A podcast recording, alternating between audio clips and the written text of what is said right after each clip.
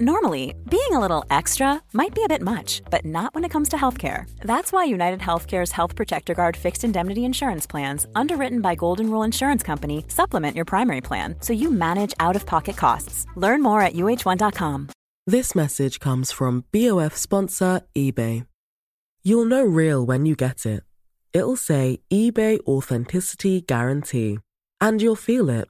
Maybe it's a head turning handbag, a watch that says it all, jewelry that makes you look like the gem, or sneakers and streetwear so fresh every step feels fly. eBay gets it. So look for the blue check mark next to that thing you love and be confident that every inch, stitch, sole, and logo is checked by experts. With eBay Authenticity Guarantee, you can trust that feeling of real is always in reach. Ensure your next purchase is the real deal. Visit eBay.com for terms. Du lyssnar på en podd från Mediahouse by RF.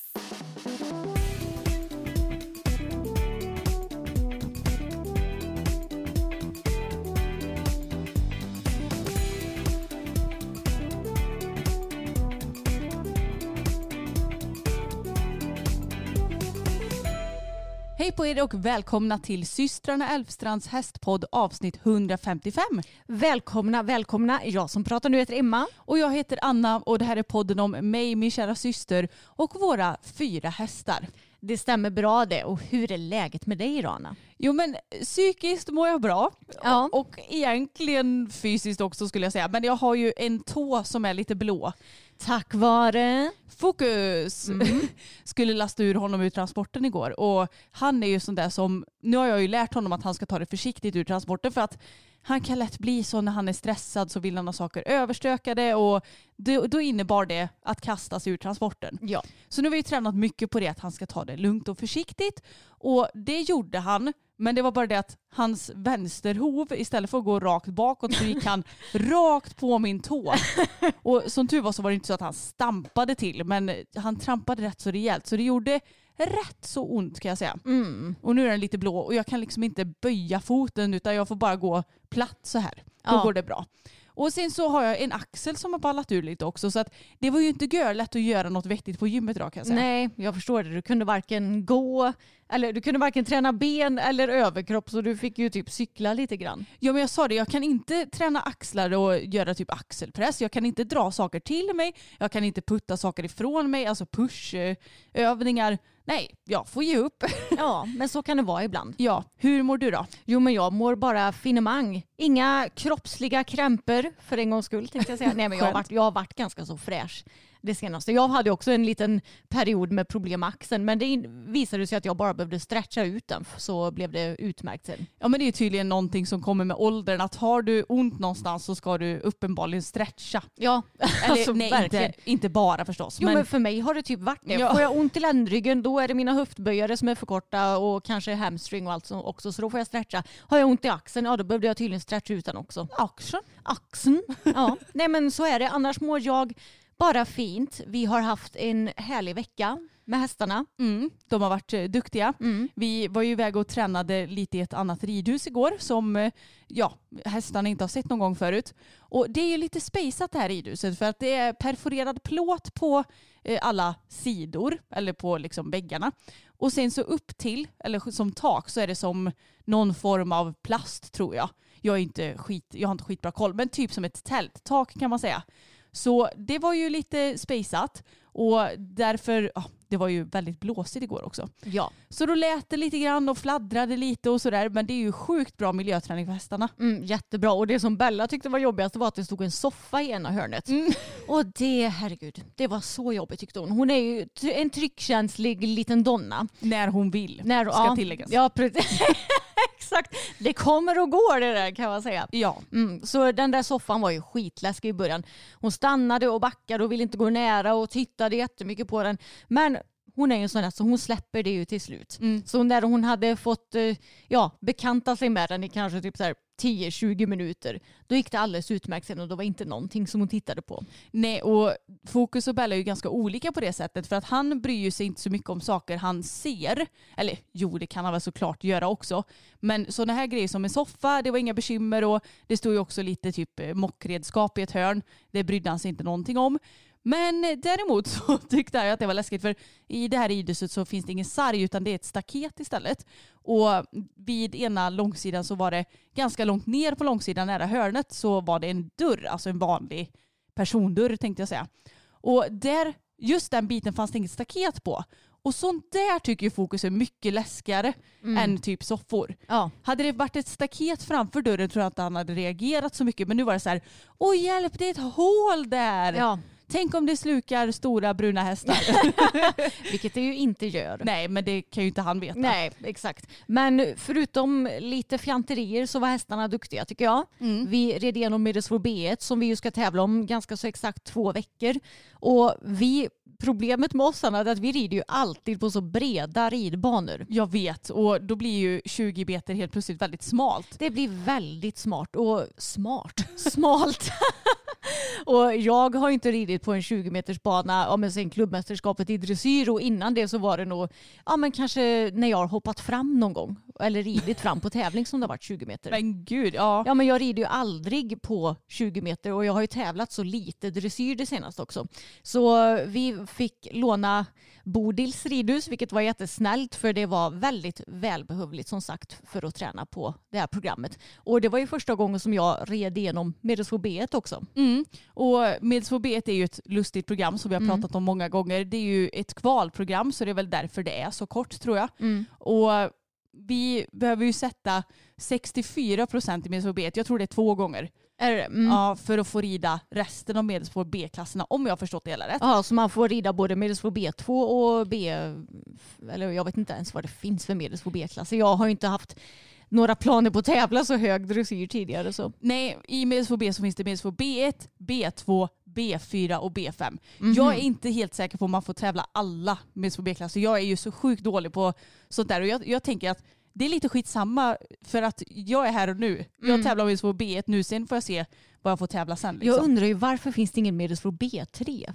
Ja, men jag vet, jag tycker också sånt är så himla konstigt. Varför finns det 1, 2, 4, 5? Ja. Och det är ju samma som, mm, eh, det finns ju lätt B0 också. Va, vadå 0? Mm. Ja. Nu vet jag inte om den är så populär längre men Den fanns ju förr i tiden i alla fall. jag har tävlat den. Ja, jag med. Och då minns jag att du sa när jag skulle rida ut, för alla andra program var ju att man red ut till höger varv förr Ja, i tiden. Förr i tiden ja. Mm. Men lätt B0 då skulle man rida ut i vänster varv och Emma bara Åh, ja hon kom ihåg att vända och ut till vänster. Det är det som är det svåra med det här Ja, programmet tycker exakt. jag. Så gulligt. Men minst på B1, det är ju det, svårigheterna i det programmet eller vad man nu ska kalla det.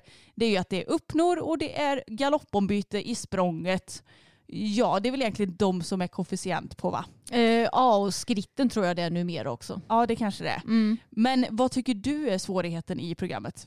Ja, men jag skulle säga att Bella hon är ju egentligen ganska bra på rörelserna men det är klart att vi är inte helt befästa i byten ännu. Ofta blir hon bra men ibland så byter hon inte överhuvudtaget och ja, jag har väl inte riktigt helt koll på hur jag ska göra för att det ska bli så bra som möjligt. Så bytena, öppnerna, den första öppnan går ganska så bra men det som jag har absolut svårast för det är efter att man har gjort första öppnan så ska man göra halvcirklar över ridbanan och sen komma ut i nästa varv och börja på nästa öppna. Och det är ju skitsvårt för jag har typ aldrig ridit sådana där halvcirklar förut. Det går så snabbt och sen så blir hästen lätt lite ostadig i de där halvcirklarna också. Och då får man ju inte till någon bra högeröppna sen. Nej jag vet och jag har ju ridit halvcirklar förut för det finns i, nu kommer jag inte ihåg om det är lätt B2 eller lätt B3. Men då rider man ju trav på långsidan, vänder upp en halvcirkel, rider på medellinjen eh, till ja, men näst sista bokstaven och där lägger man en till halvcirkel. Ja. Så man har ju ändå ganska mycket tid på sig. Men nu ska man ju lägga de här halvcirklarna på en gång. Så då rider du en 10 meter halvcirkel fast den ska vara 5 meter djup. Och sen likadant som en halv 8 volt kan man ju säga Ja. och så ut i nästa öppna. Och jag tycker också att den rörelsen är svår. Mm. Och det blir ju så mycket i allt. Man, det blir förberedande för öppnan samtidigt som man ska få rättställt hästen och Mm. allt sånt där. Så det är inte helt enkelt. Nej, och jag menar på tävling blir ju hästen lätt kanske lite spänd och då tappar man lätt formen och framåtbjudningen och då blir det ännu svårare att göra så här tvära vändningar Mm. och få ja, men hästen lösgjord och fin. Så det tycker jag nog är det absolut svåraste i programmet för mig att få till. Eh, sen så skritten överlag svår. Bella har ganska så svårt för ökad skritt för hon har svårt för att ja, men komma ner och bli tillräckligt lång och låg i formen och skritta på till, tillräckligt bra. Hon blir lätt lite bakom skänken i skritten jämfört med vad hon är i traven och galoppen. Så skritten och halvcirklarna tycker jag är svårt. Resten gick ändå ganska så bra. Hon är väldigt duktig på att rygga. Eh, det är också förlängd form i traven, Mm. vilket eh, jag tycker inte det är så svårt att länga själva formen. Jag har sett min film nu och insett att jag behöver länga hennes form ännu mer. Mm. Men nu har jag ju sett det, då vet jag att jag kan korrigera det. Men det som är svårt är ju att fånga upp och liksom korta upp tygeln och få ihop henne i formen igen efter själva halv, halvcirkeln. Ja jag vet, jag tycker också det är svårt för att helst ska det ju säkert ske ganska snabbt.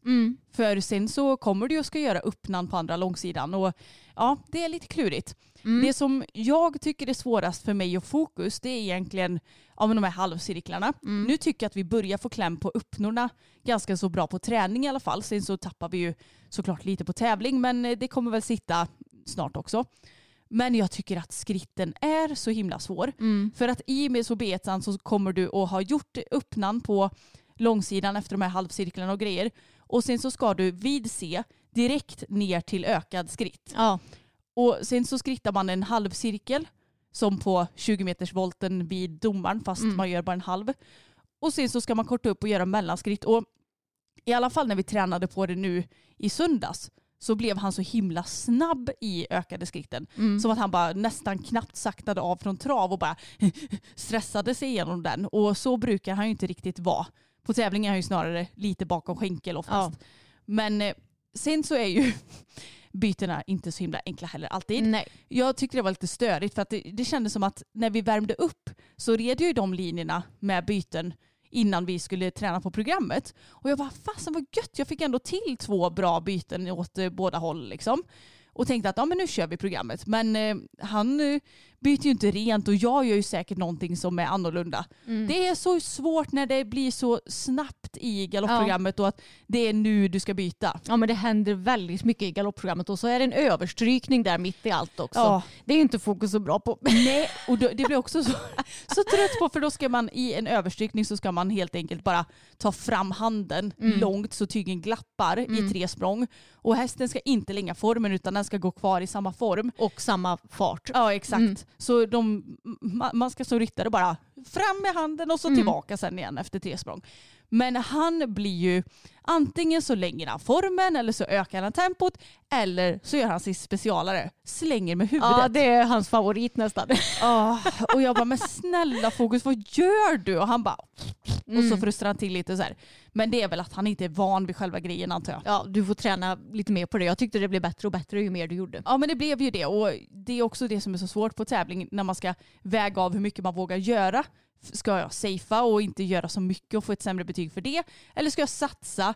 Han eventuellt slänger med huvudet och vi får sämre betyg för det. Det är ju lite pest eller kolera det där. Jag tror att du ska satsa för jag vill minnas att du någon annan gång när du red Medelsfobetan att du inte tog fram så mycket men då fick du ändå typ en fyra eller femma att du inte visade det. Så då är det bättre att försöka och eventuellt få bra. Ja men exakt. Mm. Ja, nej, det är faktiskt Bella bra på. Överstrykningen, det brukar inte vara några problem. Men vi båda har ju helt klart lite till att träna på innan det är dags för tävling. Så vi har ju planerat att åka och låna ridhuset igen så att vi kan rida igenom programmet lite till. Just det, ja, jag kom på en till grej nu. Att Bella, hon har ju, jag fattar inte vad som har hänt för ni vet ju hur mycket jag har klagat på hur svår hon är att sitta på i traven. Men det är som att från en dag till en annan så är hon inte lika svår att sitta på längre. Det har varit typ den sista månaden eller något sånt där. Så helt plötsligt så bara, jag behöver inte lägga 99 procent av min ridning på att sitta ner i traven på henne utan nu kanske det är ja, jag vet inte, 70-80 procent. Jag behöver inte tänka lika mycket på det. Det är ju väldigt sjukt för det är ju det som du har klagat allra mest på att hon är Mm. så jobbig att sitta på. Jag vet och jag klarade av att sitta hela Medels B-programmet utan problem i Mm. traven. Det var väldigt skönt. Nu är det ett väldigt kort travprogram. Men ändå, det är ju antagligen lite längre än vad det är i lätt B i alla fall. Och jag tycker att min sits känns stabilare och stabilare. Jag kan inte komma på någonting som jag har ändrat på i min träning utan det känns som att det bara är hon som helt plötsligt rör sig mjukare. Ja men hon kanske är så pass stark nu att ryggen är mer rörlig. Mm, jag vet jag, inte. Ja men jag tror det och det är ju väldigt härligt för mig och såklart för henne också att eh, jag är mer stabil på henne. Mm. Så jag känner mig ändå, jag har bra självförtroende nu inför vår medelsvår B1-start även om eh, jag såklart inte har några höga förväntningar eller förhoppningar på hur det ska gå. Men det känns roligt och som en lagom svår utmaning för oss rent dressyrmässigt. Mm. Men vi var ju också iväg på spa i helgen Emma. Det var vi och det var väldigt mysigt. Ja men det var så himla välbehövligt. Vi åkte till Vann spa som vi har varit på ett gäng gånger nu. eh, Vardera. Men vi har aldrig varit där ihop va? Nej det har vi inte. Nej, så det var första gången. Och jag måste ju skryta med att säga att vi spelade ju två biljardmatcher.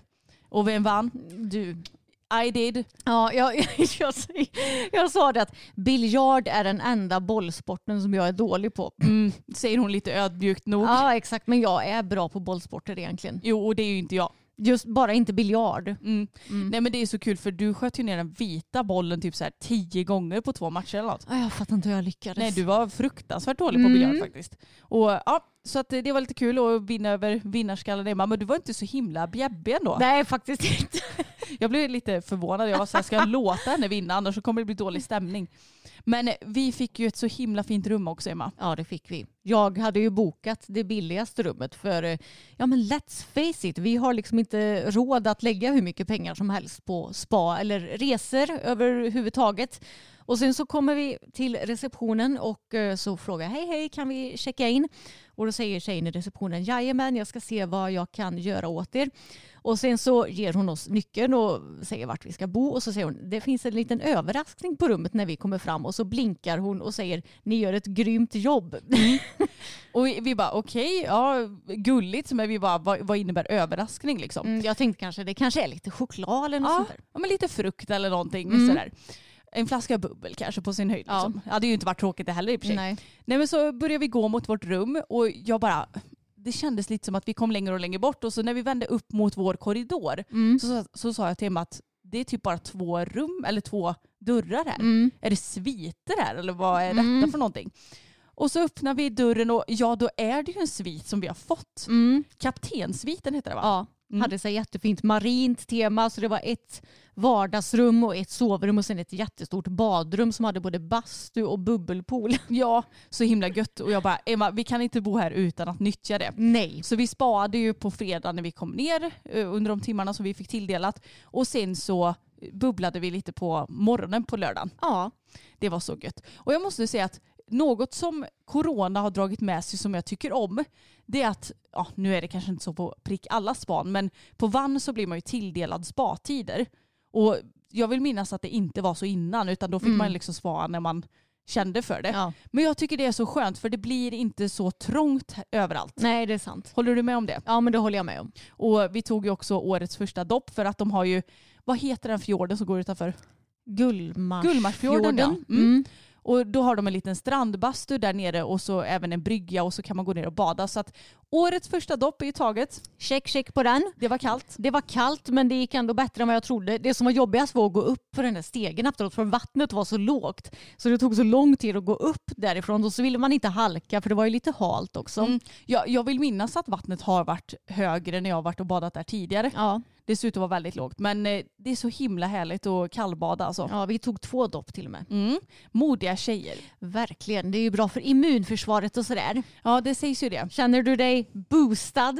Eh, Ja, kanske inte just nu men jag tycker alltid att det känns så gött efteråt. Ja, jag håller med. Och när man sitter där i bastun och tinar upp lite.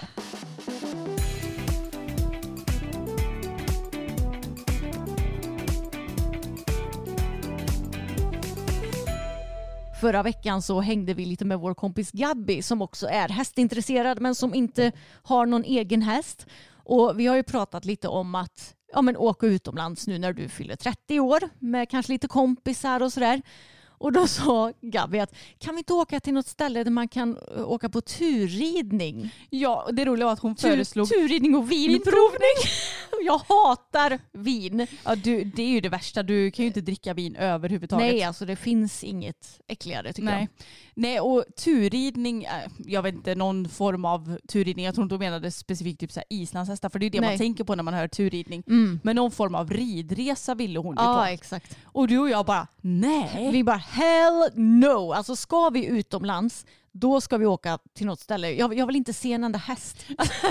jag, jag vill komma bort från eh, min vardag. Och min vardag är att rida. Då vill jag inte åka till något ställe där jag behöver rida på semestern. Då vill jag vara ledig så jag kan hitta på något annat för en gångs skull. Ja men vi vill ju inte åka på en resa för att rida någon annans hästar. Nej, exakt. Eller så här, jag hade kunnat tänka mig en strandritt, en strandgalopp på en häst typ i en halvtimme. Ja. Det hade jag kunnat gå med på. Mm. Men inte typ värsta turridningen och sånt där. Nej, och sen vet man ju aldrig hur hästarna har det heller på sådana ställen. Nej jag vet. Jag tänker att det finns ju seriösa ridresor, då har säkert hästarna det ganska bra. Men jag vet att när vi var yngre och inte hade så bra koll på sånt där när vi var utomlands med mamma och pappa, då var vi på något ställe på Mallorca vill jag minnas. Mm. På någon jäkla turridning och på råd och säkert. Ehm, och då, så hästarna, ja, det, de, det syntes att de hade det inte skitbra direkt. Nej och jag vet inte om vi reagerar så mycket på det just där och då. Men Nej. vi har ju någon, eller vi hade i alla fall någon bild därifrån. Ja, Och då såg man ju i efterhand att mm, det kanske inte var det bästa Nej. alternativet. exakt. Men det är ju sånt som man blir mer och mer medveten om och jag, jag tycker att utvecklingen går mycket framåt när det kommer till sånt där. Mm. Men jag känner mig verkligen noll sugen på att åka på någon ridresa. Ja, verkligen jag också. Jag vet inte om det är det kanske är så för oss hästmänniskor att när vi är, eller jag menar oss som har egen häst, att när vi väl är lediga så vill vi verkligen vara lediga. Ja men det känns ju så för vi har ju en medryttare som åker på lite ridresor har jag gjort några gånger. Och hon tycker det är skitkul men hon har ju inte heller någon egen häst. Nej. Och det är klart att det blir en helt annan grej men jag känner lite varför ska jag betala för att rida någon annans häst? Nej det känns inte riktigt. Och när jag är utomlands då vill jag ett, sola, Mm. två, bada väldigt mycket. Ja. Tre, äta god mat. Mm. Fyra, kanske se någon eh, form av sevärdighet Mm. eller upptäcka vart man nu är någonstans. ja, och det är liksom det, That's it. That's it, det nöjer jag mig med. Mm, jag med. Ja, jag har ju skrivit upp en hel del grejer i min mobil inför det här avsnittet. Det har släppts en del artiklar som jag tänker att vi ska prata om. Mm. Och den första artikeln den heter Varnar för hästförmedlare fick hem skadad häst som har släppts på Hipson. Och jag tänker att jag eh, kan ta och läsa upp lite delar ur den artikeln. I december förra året köpte en kvinna en unghäst av en svensk hästförmedlare.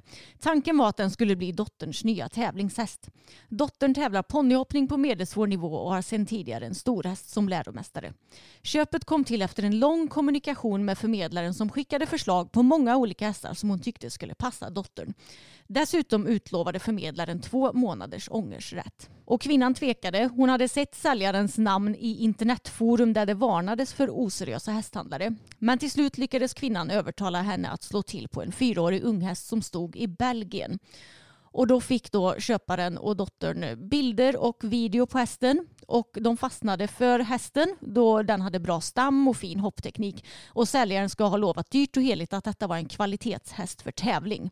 Hon skrev till mig, jag kommer få se er i Falsterbo med den här hästen.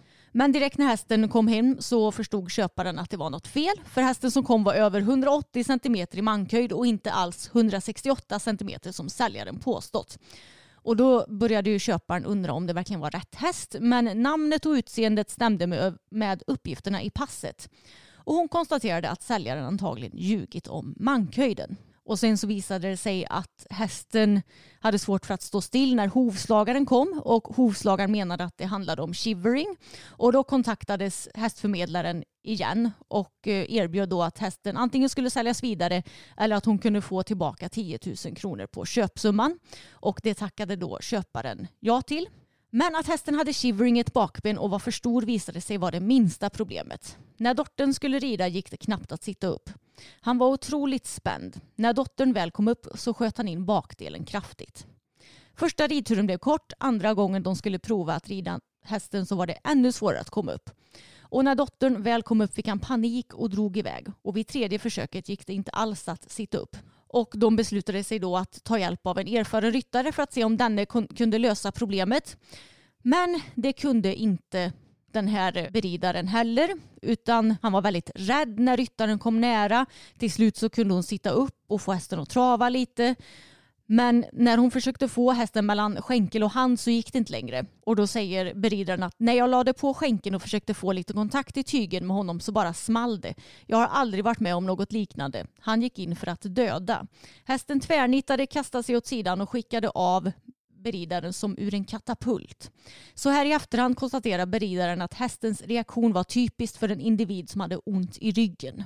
Till slut så tog de då hästen till veterinär och den uppvisade flera röntgenfynd och veterinären sa då till köparen att det är svårt att säga om hästen kommer att bli ridbar i framtiden och att den ska vandra runt känns inte rätt mot hästen. Efter det här så kunde inte köparen nå säljaren så hon kunde då inte häva köpet eftersom, eftersom hon inte fick tag i säljaren. Och nu vill då köparen varna andra hästköpare för att köpa hästar osedda och utan provridning. Och samma försäljare har varit på tal flera gånger tidigare och det nämns bland annat i den här artikeln att det var en annan kvinna som skulle köpa en hopphäst och att den skulle vara 168 centimeter hög men det var 183,5 centimeter när mm. hon väl fick hem den.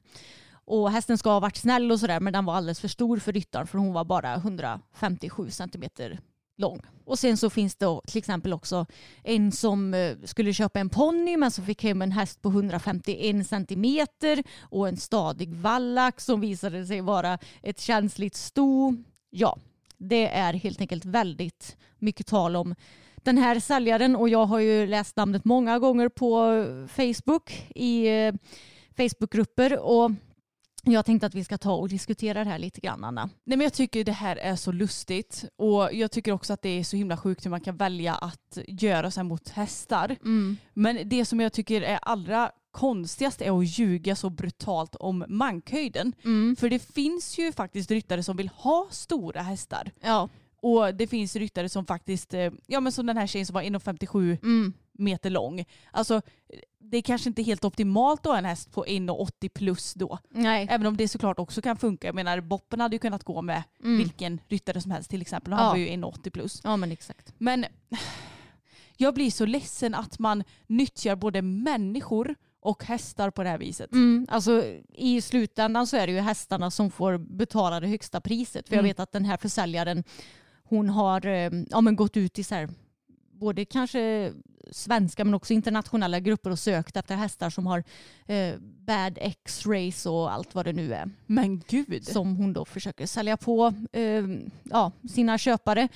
Och jag kan också tycka att ska du köpa en häst så har ju du också undersökningsplikt. Det är ju inte svårt att gå in på Facebookgrupper och söka på namn till exempel om du ska köpa en häst. Vilket ju, det som jag tycker nästan är konstigast i den här artikeln det är att eh, den, den första kvinnan som jag nämnde som blev lurad hon hade ju läst det här namnet i grupper på Facebook och blivit varnad om säljaren men väljer ju ändå att köpa hästen. Mm, ja, precis.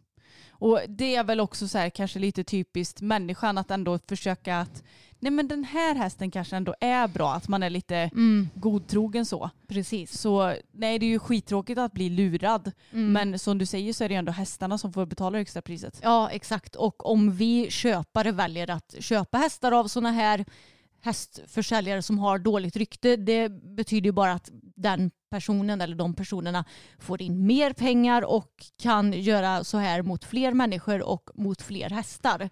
Så det som vi konsumenter kan göra det är ju helt enkelt att lägga ordentlig tid på att göra research av vilka vi köper våra hästar av och inte gynna sådana här personer som har en väldigt dålig syn på hästar. Nej och sen tycker jag också att det är så himla bra att historier kommer fram mm. om vilka köpare man har köpt av och vad som har hänt. Ja. Liksom. Så det tycker jag ju bara är bra för att man vill ju själv inte hamna i den sitsen. Nej exakt och sen så också köper man hästar osedda så får man ju vara lite beredd på att kanske man kan få hem vilken skit som helst. Ja men det var ju lite det jag var. Mm. Jag var sådär att ja de har beskrivit hästen så här men vem vet det kanske inte alls kommer vara så. Nej. Och det var ju inte riktigt så heller. Även om han, han är ju en frisk individ och Mm. det är inget ont i honom. Det är bara att han har blivit väldigt, väldigt bränd så att Mm. han har mycket psykiska problem liksom. Ja. Men det förväntade jag ju mig kanske inte riktigt i den utsträckningen när jag köpte honom. Nej, men vi åkte ju också och hämtade honom själv. Han stod Ja. i Sverige så vi visste ju om att det var, det var rätt häst vi fick hem och att det inte var så här, ah, han är 150 centimeter i mankhöjd istället för Exakt. 173. Och 20 år gammal. Nej, precis. Så det, ja, jag vet inte om man kan säga att vi köpte Fokus osedd men vi hade ju inte provridit honom i alla fall. Nej precis och det är ju ändå en grej jag inte kommer göra om och jag skulle nog inte våga bara postorder beställa en häst heller för den Nej. delen.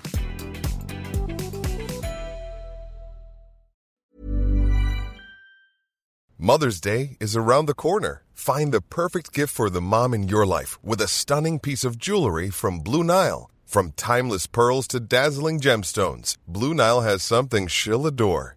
Need it fast? Most items can ship overnight. Plus, enjoy guaranteed free shipping and returns. Don't miss our special Mother's Day deals. Save big on the season's most beautiful trends. For a limited time, get up to 50% off by going to BlueNile.com. That's BlueNile.com. This message comes from BOF sponsor eBay. You'll know real when you get it. It'll say eBay Authenticity Guarantee. And you'll feel it. Maybe it's a head turning handbag, a watch that says it all, jewelry that makes you look like the gem, or sneakers and streetwear so fresh every step feels fly. eBay gets it. So look for the blue check mark next to that thing you love and be confident that every inch, stitch, sole, and logo is checked by experts. With eBay Authenticity Guarantee, you can trust that feeling of real is always in reach. Ensure your next purchase is the real deal. Visit eBay.com for terms. Och här kommer en annan artikel ifrån Hipson som heter Övergivna hästar omhändertagna. Två hästar som sedan första kvartalet av 2022 gått i en hage i Skara kommun omhändertogs tidigare i januari. Detta då ingen tagit hand om dem och ingen ägare gått att hitta.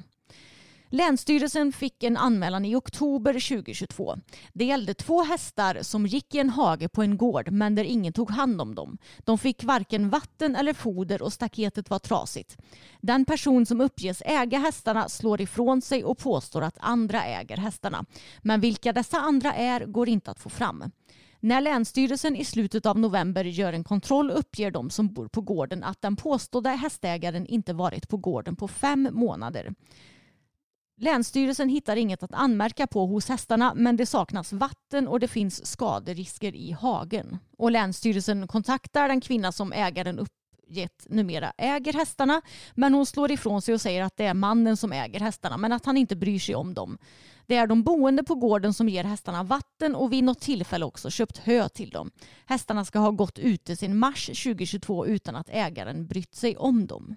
I mitten av december kontaktar en person Länsstyrelsen och uppger att de som bor på gården hindrar hästägaren från att komma till och ta hand om hästarna. Personen uppger att man eventuellt hittat någon som vill ta över om hästarna.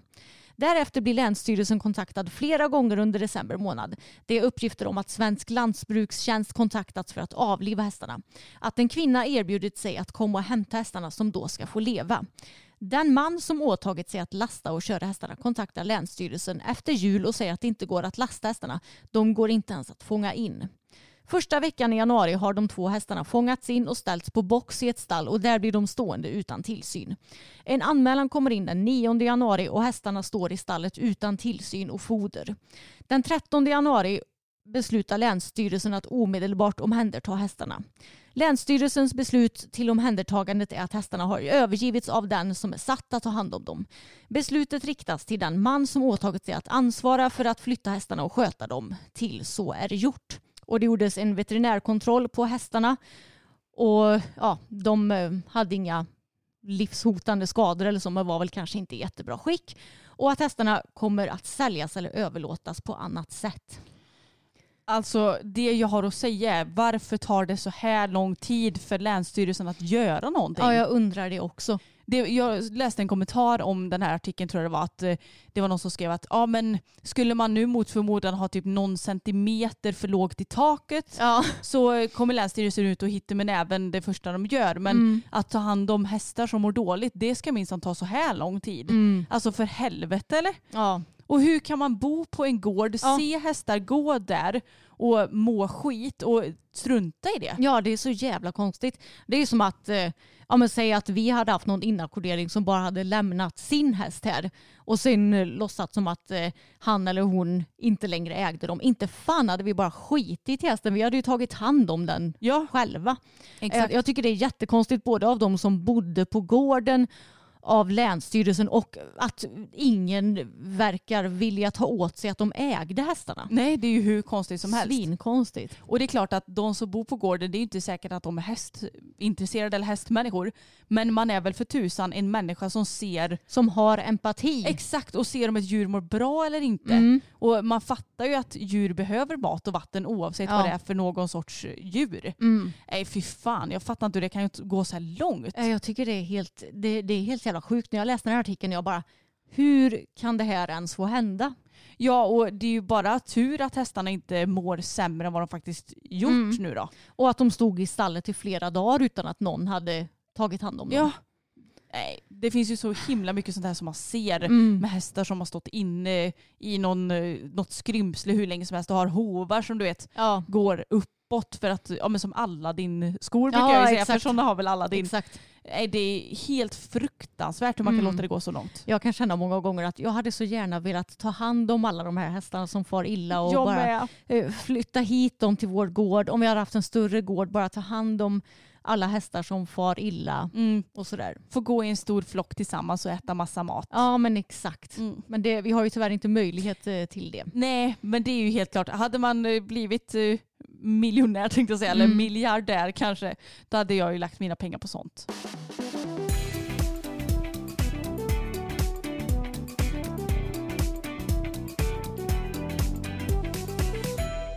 Och här kommer ännu en artikel från Hipson som heter Slagsmål på parkeringen ger böter. En ryttare och dennes målsman hamnade i bråk på tävlingsplatsens parkering när det var dags att lasta och åka hem. Målsman gav ryttaren en örfil samtidigt som denne nöp och sparkades. Disciplinnämnden ger ryttaren och målsman böter. Det var vid tävlingar hösten 2022 som domare och överdomare larmades från sekretariatet att det var tumult på parkeringen. Det var en målsman och dennes barn som slogs i samband med att hästen skulle lastas. Två vittnen har uttalat sig om vad de såg och hörde. Det första vittnet har sett hur målsman håller en häst och att det gapas och skriks mellan denne och ryttaren. Vittnet ser också hur målsman slår ryttaren med öppen hand i ansiktet. Ryttaren i sin tur försöker sparka föräldern men vittnet ser inte om det träffar. Vittnet skriker åt dem att sluta och ringer sekretariatet. Hästen lastas och de båda hoppar in i bilen och lämnar platsen. Det andra vittnet uppger att denne hör bråk och ser de två tillsammans med en häst. Barnet ska ha sagt “sluta slå mig”. Målsman vrider om barnets händer och slår med handflatan på hennes jacka. Det andra vittnet går bort till det första vittnet och hör då hur barnet säger “sluta slå mig, det gör ont”. Vittnet hör hur örfilen utdelas men ser inte slaget. Det andra vittnet går fram till de två och såg då att barnet hade ont i armarna och håller sig om handlederna. Målsman säger till de två vittnena “men vad ska jag göra?” Målsman berättar att ryttaren var på dåligt humör och började anklaga henne för olika saker och var väldigt högljudd.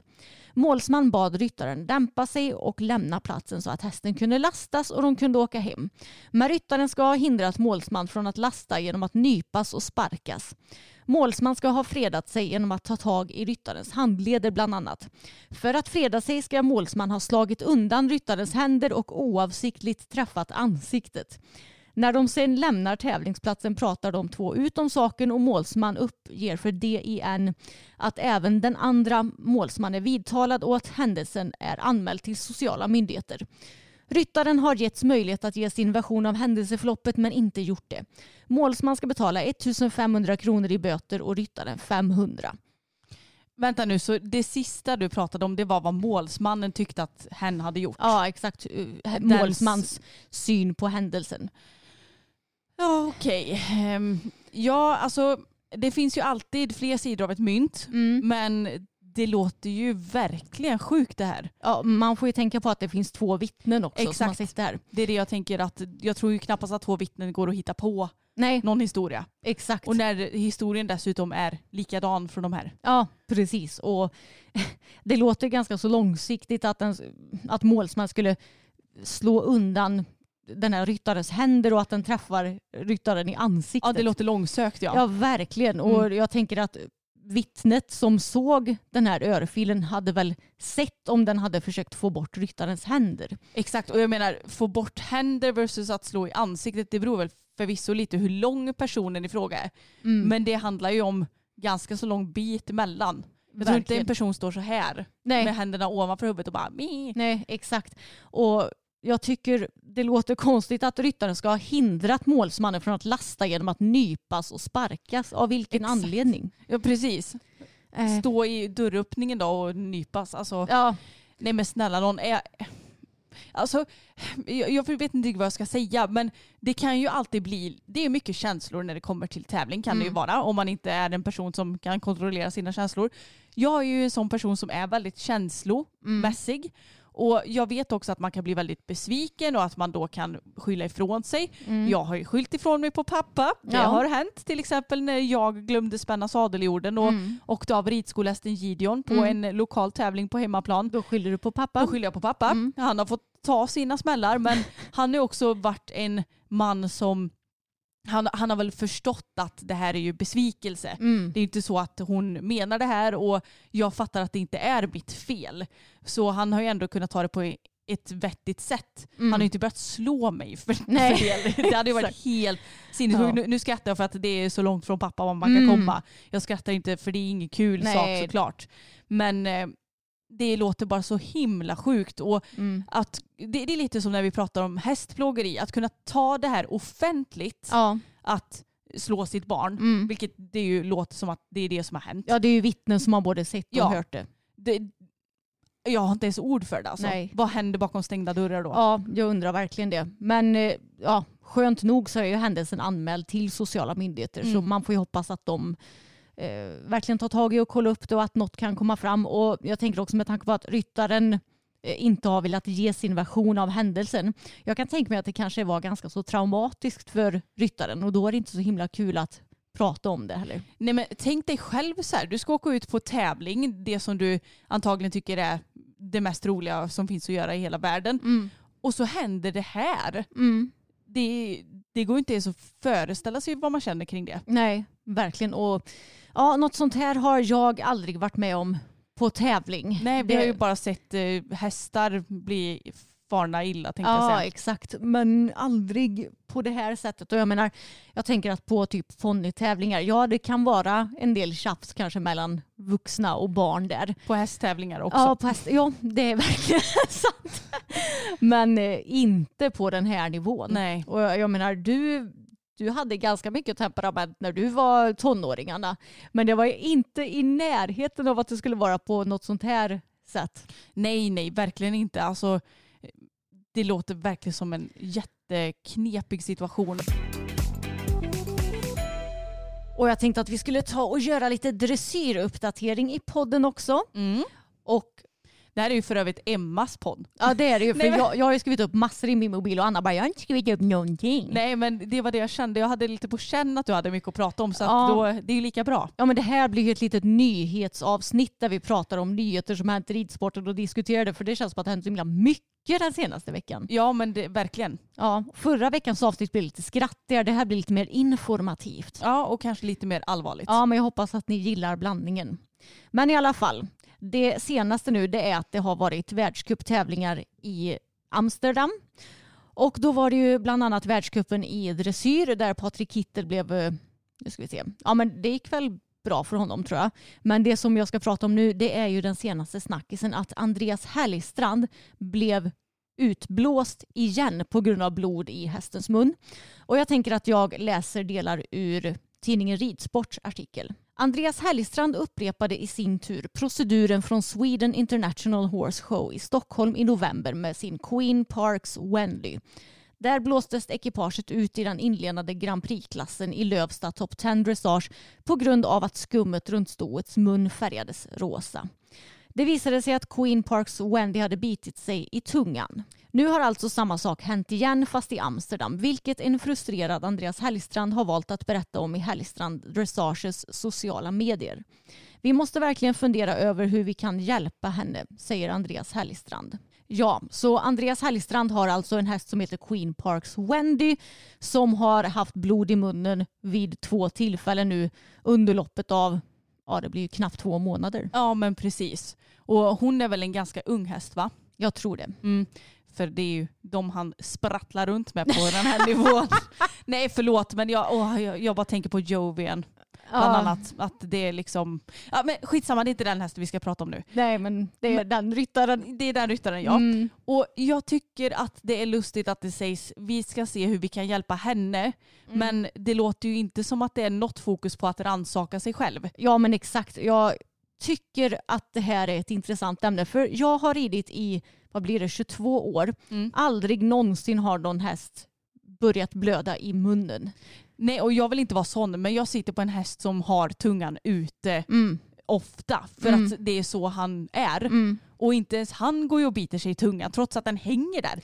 Han, han borde ju rent krasst ha enklare för att bita sig i tungan. Ja, precis. Men om vi ska snacka lite allmänt om det här så tänker jag att ja, men det här med att hästar blöder i munnen och blir utslutna på grund av det.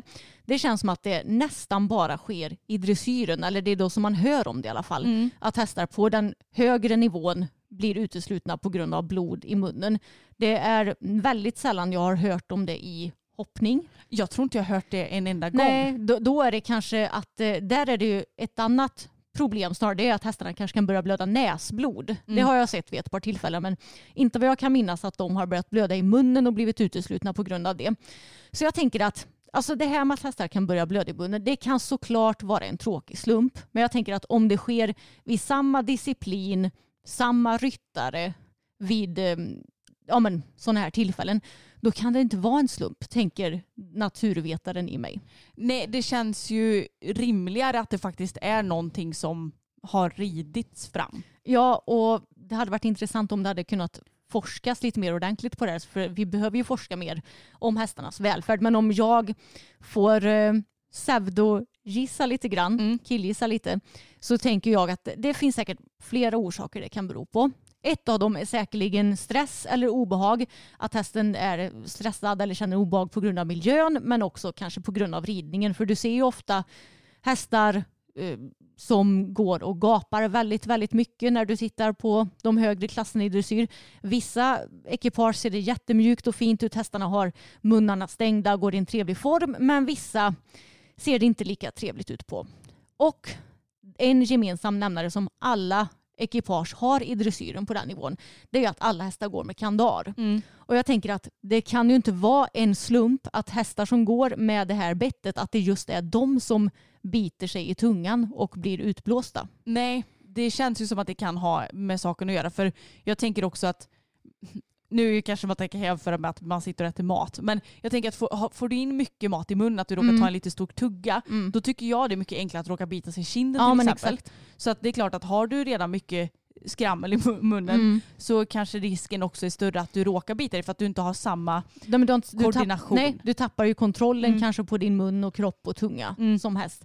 Så jag tycker ju verkligen att det låter rimligt och det är ju också verkligen någonting som det borde forskas på och som också visar att det inte borde vara krav på kandar. Nej för det kan ju hända att Wendy då passar mycket bättre med att bara ha ett bett i munnen. Mm. Men det får de ju inte för att på den här nivån så ska det vara kandar. Ja, exakt.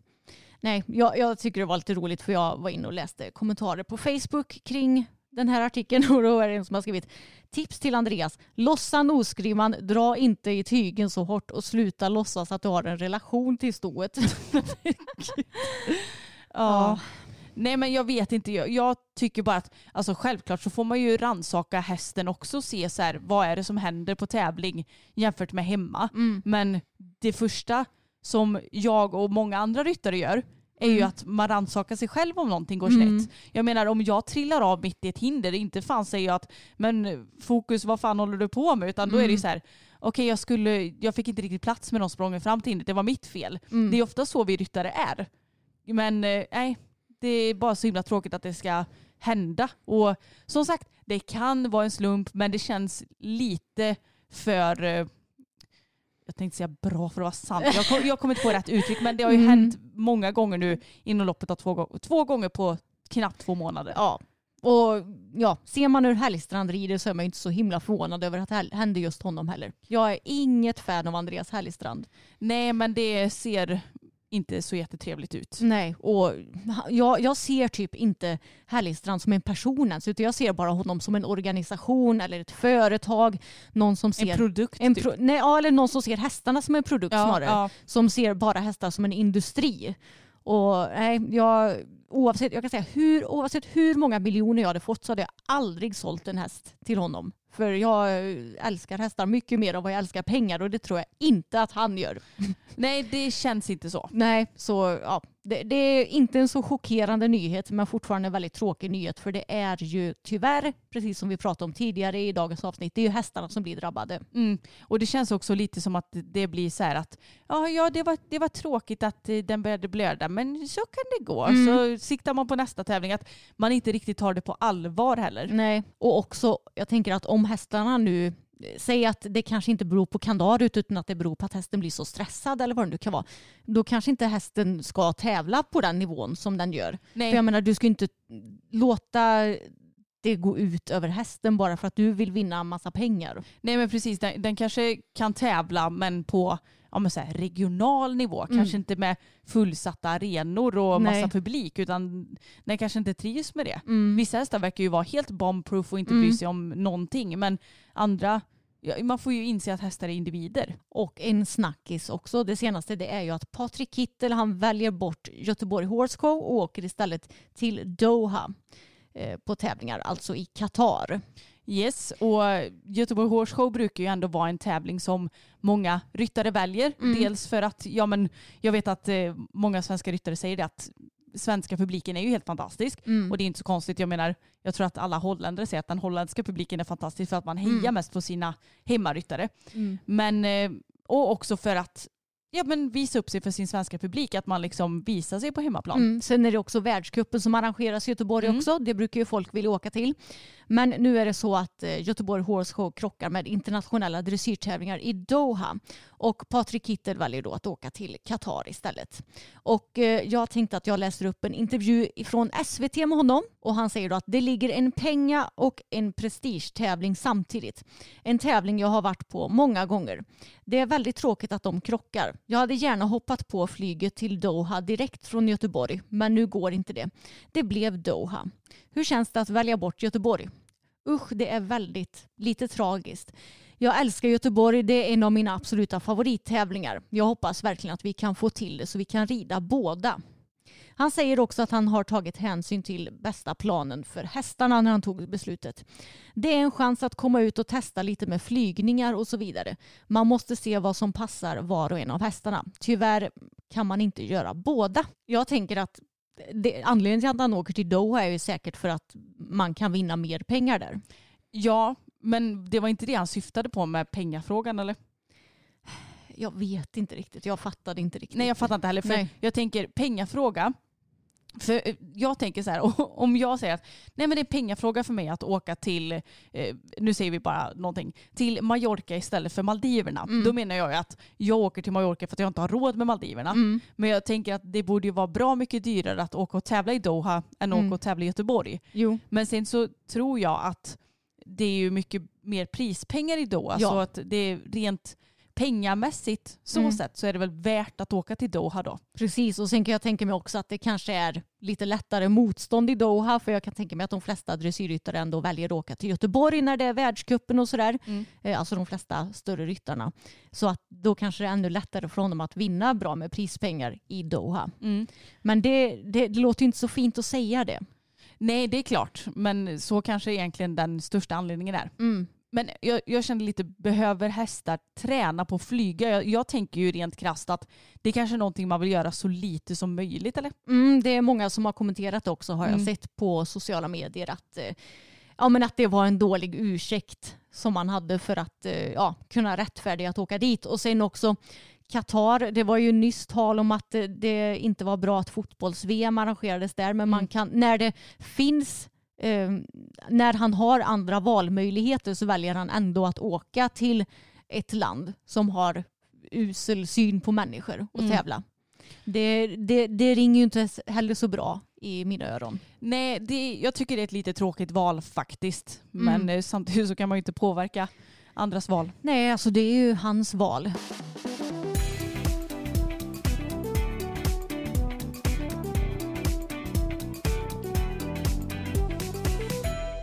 Okej Anna, jag tänkte att vi skulle ta och avsluta lite med en diskussion om hur det är nu versus hur det var förut på ridskolor. Mm. Och jag vet att jag har läst på flera ställen nu om ja, men att det kanske är många familjer som inte har råd att låta sina barn gå på ridskola och att ridskolor har gjort olika lösningar som att man kan betala så att barnen får rida varannan vecka till exempel. Och sen så kommer jag att tänka på hur det var för oss när vi var unga och ville rida mer och få, vad ska man säga, ja, men få, Få ut förmåner eller? Precis, få förmåner. Och då var det ju så att vi kunde ju jobba i stallet. Vi var stallvärdinnor, det vill säga att vi hjälpte till och fixade i stallet, gjorde i ordning hästarna för lektioner. Ja, men hjälpte eleverna när de skulle sadla och tränsa om de Mm. Ja, var osäkra på sånt. Precis, vi kunde hjälpa till på paralektioner, på nybörjarlektioner. Vi kunde ha ponnyledningar och mot att vi gjorde det här så fick ju vi gratis ridlektioner ibland.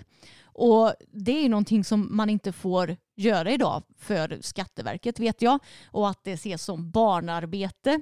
Men jag vet inte, jag, jag förstår ju grejen men samtidigt så tycker jag att jag, jag tycker absolut inte att vi blev utnyttjade som barn. Nej, det tyckte inte jag heller. Det var ju högst frivilligt av oss att eh, jobba så att vi kunde få rida ännu mer. Det gjorde ju att vi kunde rida flera gånger i veckan Ja. istället för bara inom citationstecken Mm. en gång i veckan. Och det var ju också någonting som vi såg att vi fick lära oss väldigt mycket och dessutom röra på oss Mm. och allt vad det innebar. Och Lär oss att ta ansvar. Precis. Och jag tänker att hade mamma och pappa tyckt att så här, nej men gud vad ridskolan nyttjar Emma Mm. och Anna, då hade de inte låtit oss göra det. Nej, och vi tyckte att det var kul också. Jättekul. Och ja, jag, jag tror att så som det är idag, det gynnar ju tyvärr bara de familjer som är rika eller har råd att låta sina barn eh, rida mm, kanske så mycket som de vill. Jag, menar, jag tänker på de familjer som inte har så mycket pengar. Tänk vad det hade hjälpt dem om det hade kunnat få vara så som vi hade det när vi var små. Mm. Att barnen hade kunnat få hjälpa till, göra det som de tycker är roligt och sen få belöning för det jobbet. Ja, ja, jag vet inte, jag, jag tycker att jag ser det absolut inte som barnarbete. Nej det, nej, det gör inte jag heller för att ja, det var ju mer som en Nej jag vet inte ens vad jag ska säga. Det, vi såg ju inte det som att vi arbetade i princip utan en, vi såg en, det som... en hobby som du fick belöning för Ja, sen. och så. uppskattning för. Mm.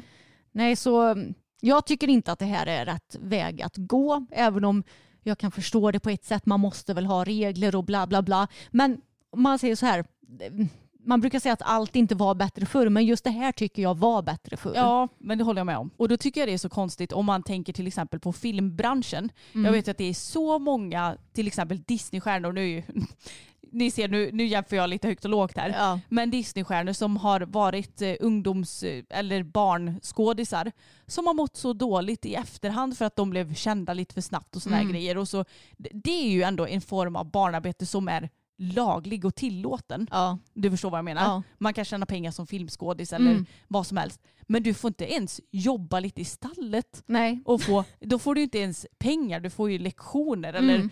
något annat i utbyte. Mm. Är inte det konstigt? Jo, det är jättekonstigt och jag vet att vår tid på ridskolan som vi hade, vi la ju så mycket tid i stallet som inte innebar ridning. Det har ju format oss jättemycket idag. Vi har ju verkligen lärt oss att ta ansvar. Jag tror inte att vi hade varit lika bra på att driva företag idag om vi inte hade haft de här erfarenheterna som barn. Vi fick ju också lära oss att eh, ja, men kunna prioritera så att vi skötte skolarbetet. Vi eh, var ansvarstagande när det kommer till allting under vår ungdom. Ja, vi lärde oss så mycket om hästar och Exakt. allt stallgöra också så himla tidigt Mm. eftersom att vi jobbade så mycket i stallet. Precis. Och även med, det var ju och för sig inte just lektionsstallarbete men Mm. vi hade ju också väldigt mycket stalltjänst när vi var Mm. yngre. Det var ju för att beta av när vi hade egen häst sen. Ja. Att kunna få betala lite mindre på den Mm. fakturan sen.